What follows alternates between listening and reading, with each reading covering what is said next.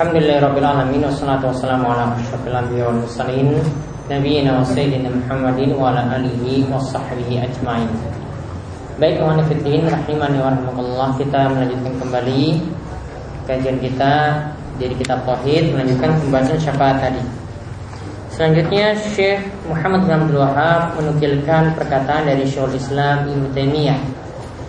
Beliau mengatakan Qol Abu Abbas Abu Abbas yaitu Syekhul Islam Ibnu itu mengatakan bahwasanya Allah meniadakan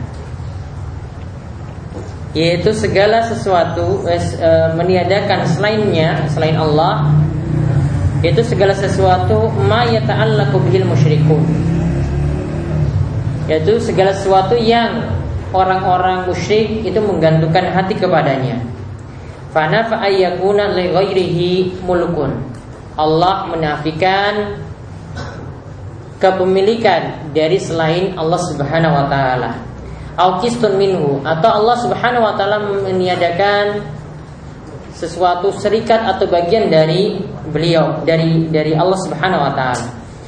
Au yakunu aunan lillah atau menganggap bahwasanya Allah memberikan pertolongan padanya ya Walam yabqa illa syafa'ah. Lalu yang tersisa itu hanyalah syafaat Lalu yang tersisa itu hanyalah syafaat.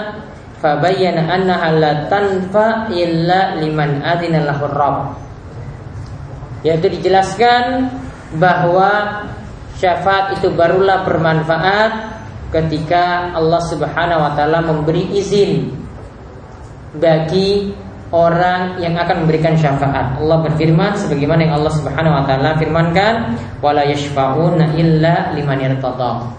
Ya, tidaklah syafaat itu diberi kecuali bagi siapa saja yang Allah ridhai, yaitu ahli tauhid. Ini disebutkan dalam surat Al-Anbiya ayat 28. Inilah syafaat kata Syekh ya Inilah syafaat yang orang-orang musyrik ya, yang orang-orang musyrik itu sangka bahwasanya itu dinafikan muntafiyatun yaumal qiyamah. Ya, yang mereka itu sangka itu dinafikan pada hari kiamat. Kama nafahal Quran sebagaimana yang Al-Quran meniadakannya. Dan Nabi SAW nanti pada hari kiamat akan menghadap Allah Subhanahu wa taala fayasjudu li rabbih lalu beliau sujud di hadapan Allah wa yahmaduhu lalu beliau memuji-muji Allah. La yabda'u bisyafaati awalan. Lihat Nabi SAW ketika minta syafaat tidak dahului dengan meminta syafaat terlebih dahulu. Namun puji Allah terlebih dahulu bersujud di hadapan Allah terlebih dahulu. Baru setelah itu diperkenankan beri syafaat baru beliau beri syafaat. Dikatakan di sini summa yuqalu lahu kemudian dikatakan pada baginda Nabi SAW irfa ra'sak. Ketika Nabi SAW itu sujud angkat kepalamu. Wa kul yusma. Katakanlah maka engkau akan didengar maka akan didengar. Wasal tu'ta mintalah maka engkau akan diberi. Wasfa tu syafa maka mintalah syafaat engkau akan diberikan syafaat. Jadi lihat di sini Syekh mengatakan bahwasanya syafaat itu berarti ada dua macam. Syafaat ada yang seperti kita sudah bahas dalam kitab Qaidul Arba ada syafaat musbatah yang ditetapkan yaitu ketika memenuhi syarat yaitu ada izin dan ada ridho dari Allah. Dan syafaat itu ada juga yang manfiyah yang tertolak. Yaitu ketika tidak memenuhi syaratnya. Yaitu tidak ada izin dari Allah. Dan juga Allah tidak ridhoi orang yang diberi.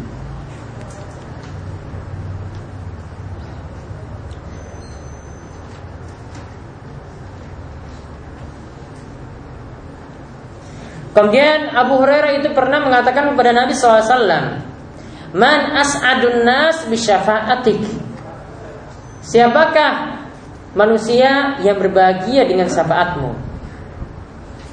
Ya siapakah manusia yang berbahagia dengan syafaatmu?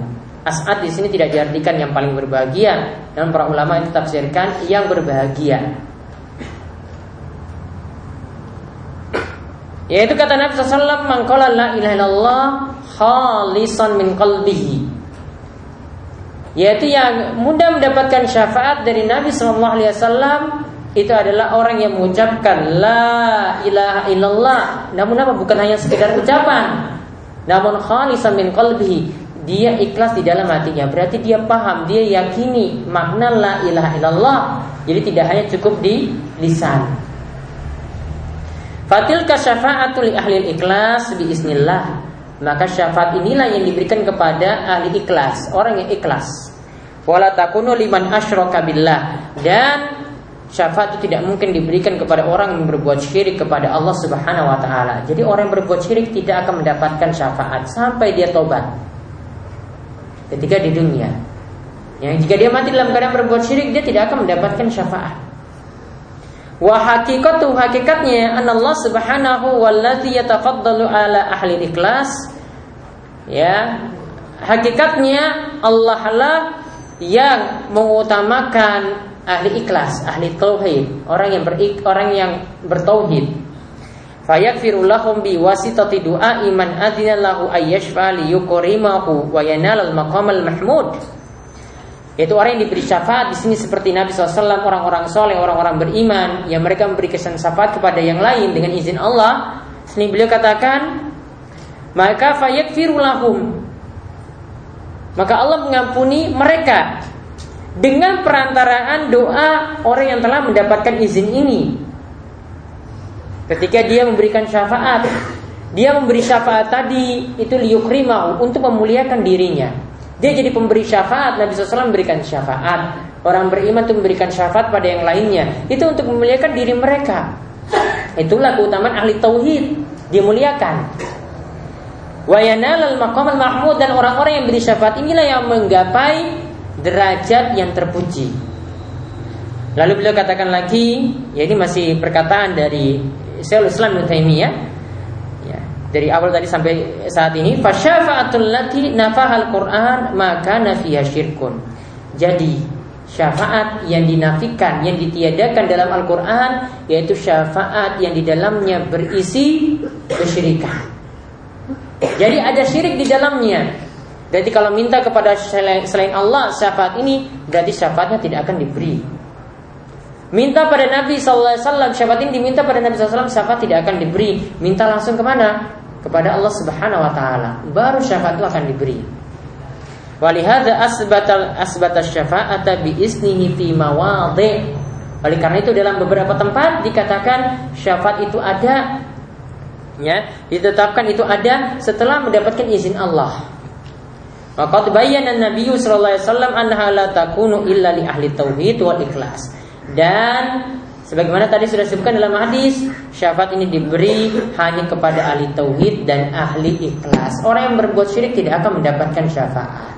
Intah kalamu inilah perkataan dari Syekhul Islam Ibnu Maka tentang dalil-dalil tadi kita lihat di sini berfaedah untuk menjelaskan apa yang Syekh Muhammad bin Abdul Wahab sampaikan. Yang pertama tafsir ayat. Jadi dijelaskan tentang beberapa ayat yang ingin menjelaskan bahwasanya syafaat itu ada yang ditetapkan, ada syafaat yang ditolak. Beberapa ayat menyebutkan demikian. Syafaat yang ditetapkan ketika memenuhi syarat. Syafaat yang ditolak berarti ketika tidak memenuhi syarat. Kemudian kata beliau lagi yang kedua, sifatus syafaatil manfiyah. Ada syafaat yang tertolak. Ciri-cirinya bagaimana? Yaitu ketika tidak mendapatkan izin Allah tidak mendapatkan ridho Allah. Kemudian sifat syafaatil musbatah yaitu sifat ya atau ciri-ciri syafaat yang ditetapkan yaitu ketika memenuhi syarat-syarat syafaat. Itu ada izin dari Allah kepada orang yang beri syafaat. Ada ridho dari Allah kepada orang yang diberi syafaat. Kemudian Ar-Rabi'ah yang keempat disebutkan tentang syafaat kubra. Syafaat yang paling besar yaitu al-maqam al-mahmud yaitu kedudukan yang terpuji pada hari kiamat. Ini bagi Nabi sallallahu alaihi wasallam. Kemudian yang kelima, sifatu ma yaf'aluhu sallallahu alaihi wasallam annahu la yabda'u bisyafa'ati bal yasjud fa idza uzina lahu syafa'ah. Yaitu bagaimana Nabi SAW itu mendapatkan syafaat Di sini dikatakan yang beliau lakukan adalah Beliau tidak memulai minta langsung syafaat Tapi beliau apa? Bersujud dulu di hadapan Allah Tadi dikatakan oleh Syaikhul Islam Ibnu Taimiyah, beliau memuji Allah terlebih dahulu.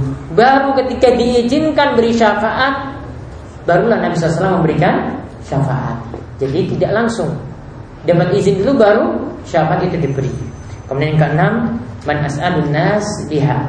Siapakah yang berbahagia dengan syafaat tersebut? Yaitu siapa tadi? Yaitu ahli tauhid. Itu mangkola la ilallah khalisan biqalbihi khalisan min qalbihi yaitu siapa yang mengucapkan la ilallah yakin dalam hatinya. Kemudian yang ketujuh annaha la takuna liman asyraka billah. Syafaat tidaklah diberikan kepada ahli syirik. Kepada orang yang berbuat syirik kepada Allah. Kemudian yang terakhir bayanu hakikatiha yaitu penjelasan tentang hakikat syafaat itu diberi kepada ya pemberi syafaat. Hakikatnya adalah untuk memuliakan orang beriman atau orang soleh atau para nabi yang memberikan syafaat tersebut dan juga supaya orang tersebut mendapatkan makam mahmud tempat yang terpuji. Nah ini yang kita bahas untuk pertemuan kali ini ya. Insya Allah pada pertemuan berikutnya kita akan bahas tentang kisah paman Nabi SAW Abu Talib ketika beliau meninggal dunia dan kita nanti akan masuk kepada bab ya tentang sebab kufurnya manusia itu karena mereka berawalnya berlebihan terhadap orang soleh. Jadi setelah syafaat di sini Syafaat kan ada yang diminta kepada Nabi, kepada malaikat, ada yang kepada orang soleh. Maka setelah itu nanti beliau akan sebutkan paman Nabi SAW Abu Talib saja tidak bisa Nabi SAW itu tolong. Ya, padahal Nabi SAW itu orang yang mulia. Orang soleh seperti Nabi SAW tidak bisa menolong Abu Talib. Maka yang namanya syafaat, yang namanya doa tidak boleh ditujukan kepada beliau. Maka setelah ini beliau beransur ansur ke pembahasan bagaimanakah umat ini terlalu berlebihan kepada orang soleh dan itulah yang menyebabkan mereka itu jadi hancur. Ya nanti akan jelaskan pada babak selanjutnya sampai nanti pada berlebihan terhadap kubur-kubur orang soleh. Nanti beliau beranjak ke situ. Mudah-mudahan Allah Subhanahu Wa Taala memudahkan pertemuan berikutnya. Demikian mudah-mudahan bermanfaat. Subhanakallahumma bihamdika asyhadu an la ilaha illa anta astaghfiruka wa atubu.